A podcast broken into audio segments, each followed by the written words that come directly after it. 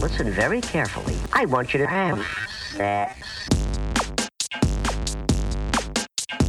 Now. And when I say now, Promise I will not judge any person.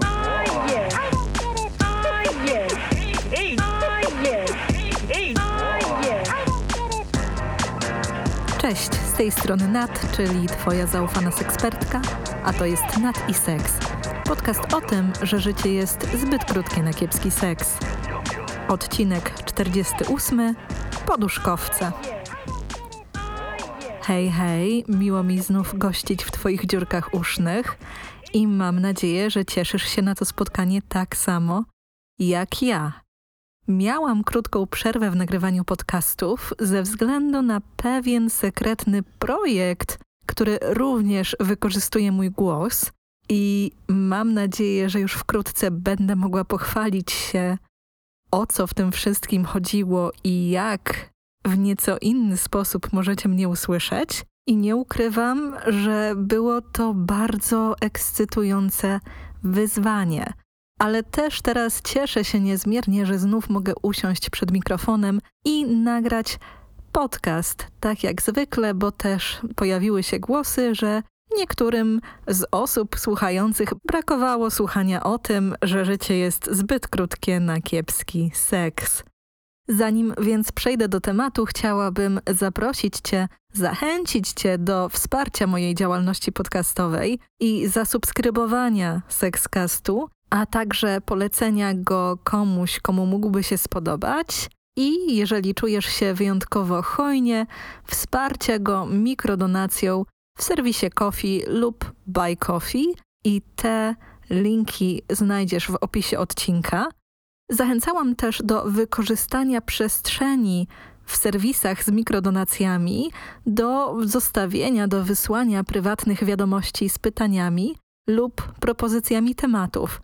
I teraz, i to jeszcze nie jest temat odcinka, chciałabym skorzystać z okazji i odpowiedzieć na pytanie przesłane w prywatnej wiadomości właśnie w serwisie Buy Coffee. Osoba wspierająca napisała: Myślę, że ludziom brakuje edukacji seksualnej, co bardzo źle wpływa także na nieseksualną część życia osoby niedoedukowanej, ale i innych ludzi. Jak trafić do tych najbardziej zapartych, którzy nie są zainteresowani seks-edem? Nie ukrywam, że moją uwagę przykuł ten fragment negatywnego czy uciążliwego wpływania braku edukacji seksualnej na życie innych ludzi. Dlaczego? Dlatego, że uruchamia mi się fantazja, że być może chodzi o jakąś konkretną sytuację, konkretnej relacji, w której postrzegamy czyjąś postawę, wobec seksu czy konkretnych praktyk jako wynik braku edukacji seksualnej. Natomiast w tym zachęcaniu innych ludzi do zwiększenia swojej wiedzy na temat seksu czy lepszej edukacji erotycznej, zawsze musimy zastanowić się nad tym, co nas motywuje do tego, że chcemy tej osobie pomóc się wyedukować. Czy widzimy w tym korzyść dla siebie, czyli na przykład jeżeli jest to nasza osoba partnerska, czy upatrujemy w tym szansy na to, że nasze życie seksualne będzie ciekawsze, bogatsze, bardziej otwarte? Czy może jednak widzimy, że braki, które ta osoba ma, które ta osoba deklaruje, przeszkadzają w swobodnym cieszeniu się życiem seksualnym czy ekspresją seksualną? Czyli najprościej, różnica jest w tym, czy chcemy tej edukacji czyjejś dla siebie, czy chcemy jej istotnie dla drugiej osoby nie upatrując w tym korzyści dla nas samych. Musimy też zauważyć, że edukacja seksualna może mieć bardzo wiele wymiarów. Od czysto praktycznego, czyli na przykład dowiedzenia się, jak działa nasza biologia, po prostu poznania pewnych podstaw, aż po rzeczywiście taką edukację stricte erotyczną, czyli dowiadywanie się, jak uczynić życie seksualne pełniejszym i ciekawszym. Jednak tak jak w przypadku każdej innej dziedziny, ten rozwój w dziedzinie seksualności, zdobywanie wiedzy powinno być zawsze procesem konsensualnym i wychodzić od tej osoby, która ma tę wiedzę poszerzać. Bo nie możemy kogoś zmusić, żeby zainteresował się tematem, który na tę chwilę nie wydaje mu się z jakiejkolwiek przyczyny interesującym.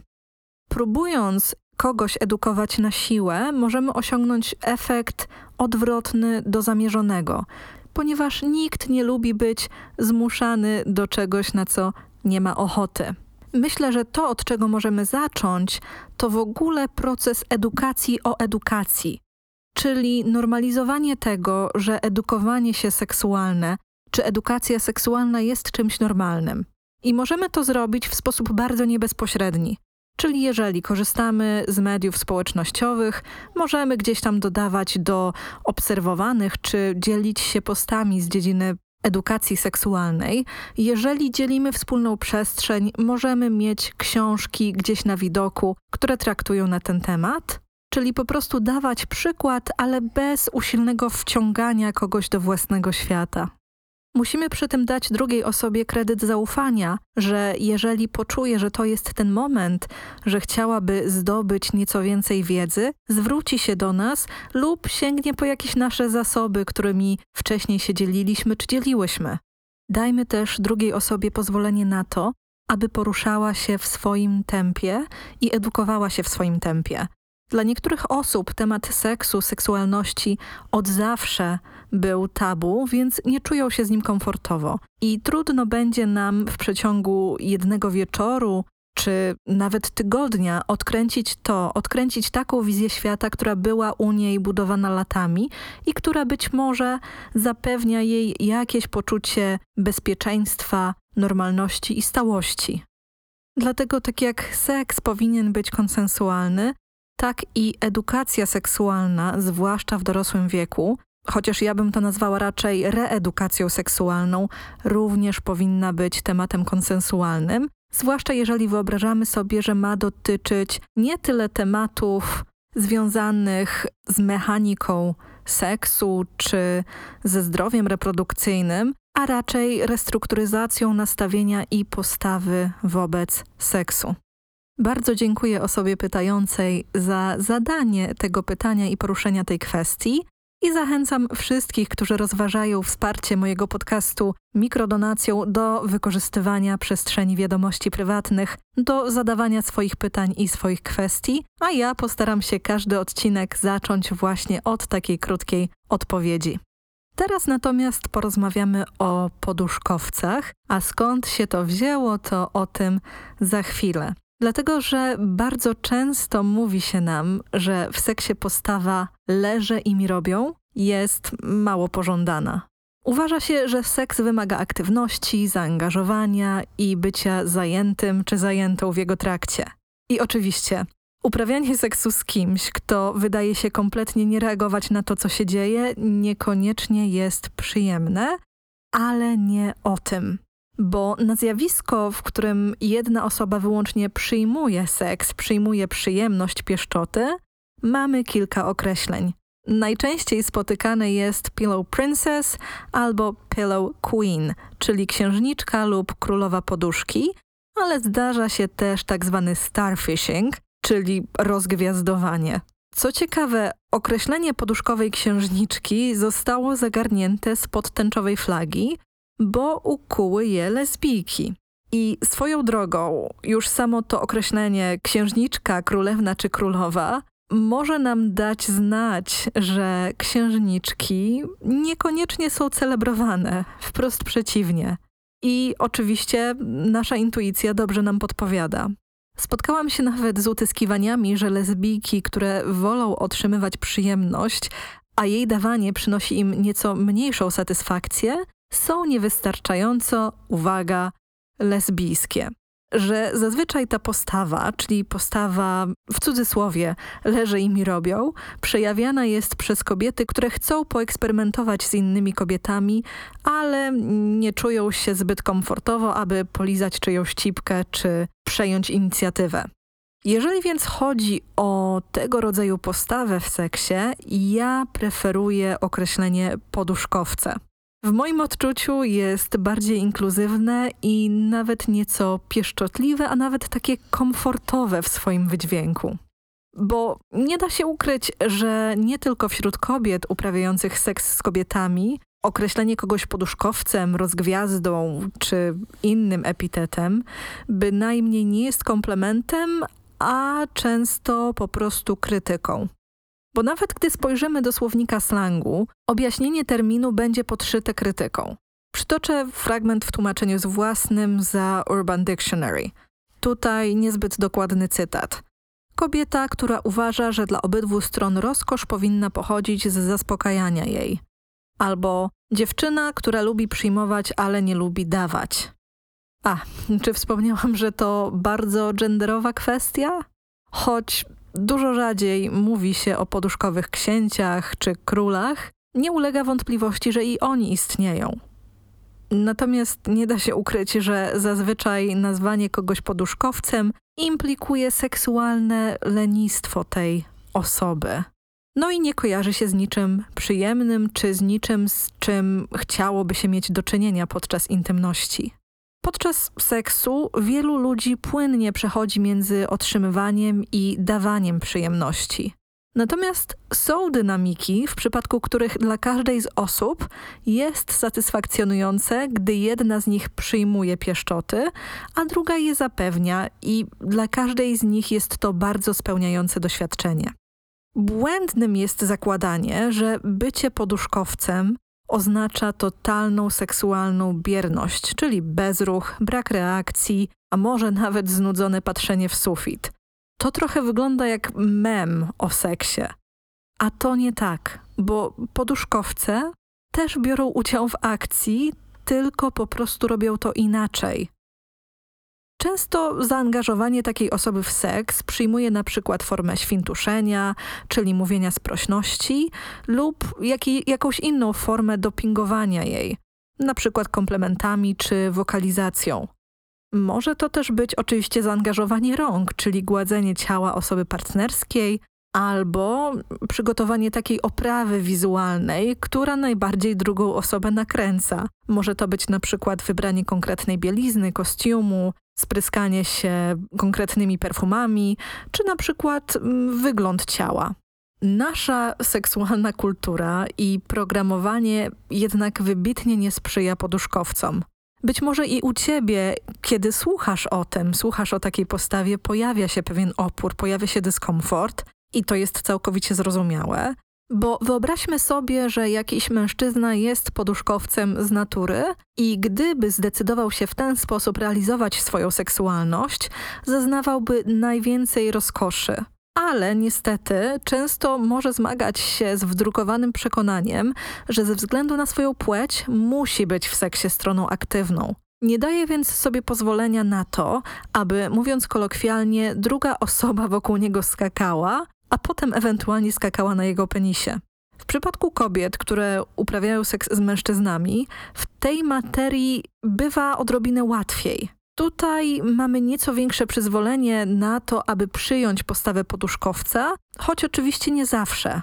Musimy jednak pamiętać, że jeżeli chodzi o takie poduszkowanie, to ta rola w seksie nie wynika z niewiedzy, co robić podczas igraszek, nie wynika też z emocjonalnego lub fizycznego dyskomfortu związanego z seksem, czy braku edukacji erotycznej, a jest wynikiem bardzo silnej preferencji. To nie jest też kwestia tego, że seks, który oferuje się osobie, która jest poduszkowcem, nie jest wart w jej odbiorze większego zaangażowania. Dla niektórych osób ten rodzaj bezruchu jest niezbędny, aby móc w pełni uczestniczyć w doświadczeniu bliskości, bez rozproszeń i czerpać z niej maksymalną przyjemność. Bywa też tak, że dla poduszkowca dawanie jest rzecz jasna przyjemne, ale to akt otrzymywania bez konieczności odwzajemniania się w ten sam sposób jest tym, co sprawia, że seks ze świetnego staje się po prostu nieziemski. Dla wielu osób, które są poduszkowcami, przekaz, że w seksie każda ze stron musi być aktywna i bardzo zaangażowana, prowadzi do zgrzytu seksualnej tożsamości. Mogą więc odgrywać to, czego wydaje im się, że się od nich oczekuje. Na przykład układać ciało w akrobatyczne pozycje, jednocześnie nie czerpiąc tak dużej satysfakcji z seksu, jaką by te osoby mogły czerpać. W jednym ze wcześniejszych odcinków poruszałam temat seksu, którego chce się chcieć, czyli takiego seksu, który jest dla każdej ze stron najbardziej nagradzający. I być może taki odgrywany entuzjazm jest nagradzający dla osoby partnerskiej, ale nie zawsze dla strony, która jest poduszkowcem, która po prostu, i mówię to bez cienia złośliwości, wolałaby leżeć i pozwolić, aby jej robiono. Nie da się ukryć, że dla kogoś, kto największą satysfakcję i spełnienie czerpie z dawania rozkoszy, osoba, która jest poduszkowcem, to idealne łóżkowe towarzystwo. Natomiast dla kogoś, kto też pragnie przyjmować lub potrzebuje balansu, aby móc doświadczyć przyjemności, takie towarzystwo może być frustrujące. Połączenie takich osobowości seksualnych, czyli jedna osoba, która potrzebuje balansu i druga, która jest poduszkowcem, może nawet prowadzić do kłótni o życie seksualne lub powodować niepewność związaną z własną atrakcyjnością i tym, kim jest się dla drugiej osoby. Można mieć poczucie, że seks z poduszkowcem jest jednostronny, ale wspomniałam już wcześniej, że to nie tak. Jasne, ten seks, gdy patrzymy na niego z zewnątrz, naszym oceniającym okiem, może być odbierany jako jednostronny, jeżeli osoba, która poduszkowcem nie jest, oczekuje jakiejś symetrii w działaniu. Natomiast warto przyjąć jej optykę. Jeżeli dla niej ktoś, kto daje jej warunki i stwarza pole do działania, pieszczot i podczas seksu w cudzysłowie nie wchodzi jej w drogę, to mamy wręcz połączenie idealne. Każdy człowiek ma swoją preferowaną rolę w seksie. Każdy człowiek ma swoją preferowaną dynamikę w seksie.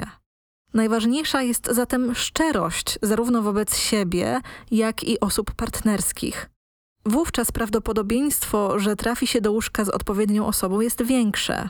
Tylko właśnie, powiedzenie, że w seksie uwielbia się dawać, często zyskuje poklask, wiąże się z podziwem ze strony otoczenia. Natomiast wyznanie, że woli się spocząć na poduszkach i przyjmować rozkosze, no niekoniecznie. Zwłaszcza gdy trafi się na kogoś, kto nie do końca rozumie fenomen poduszkowców.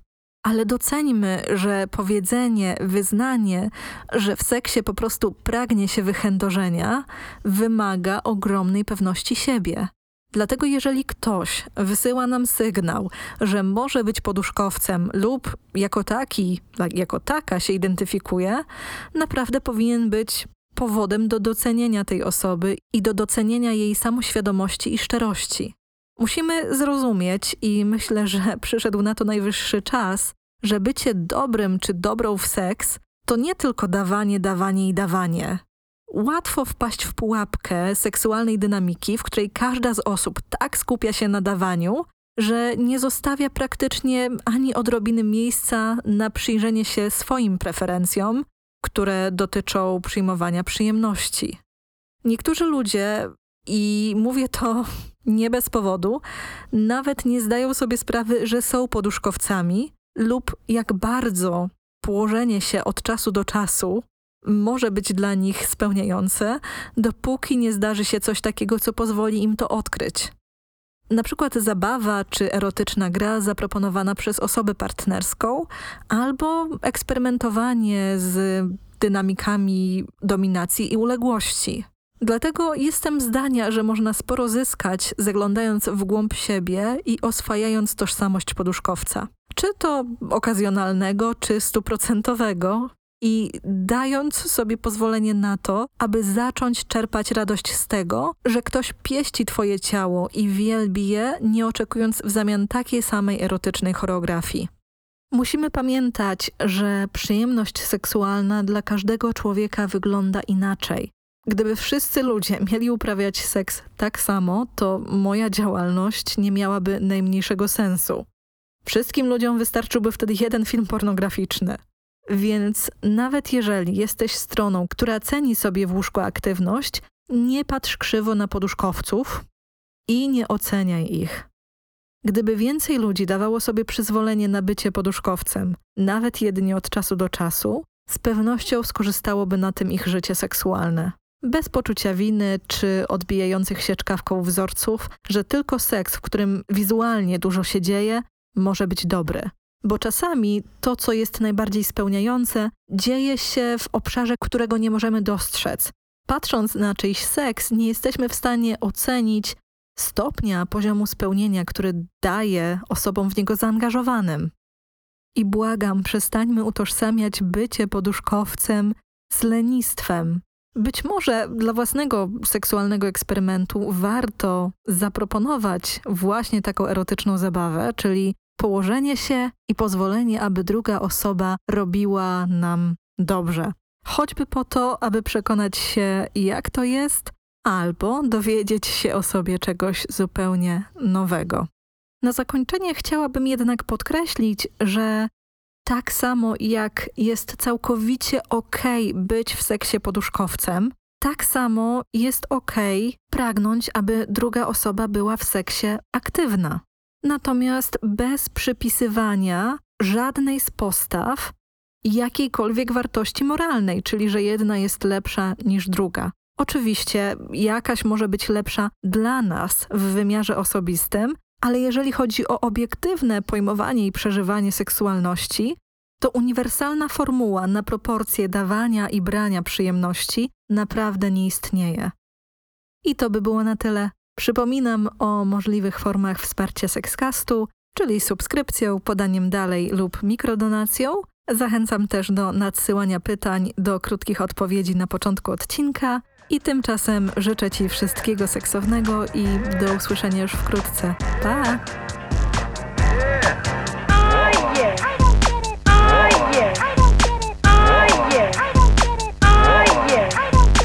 So it's very important and very fun also to now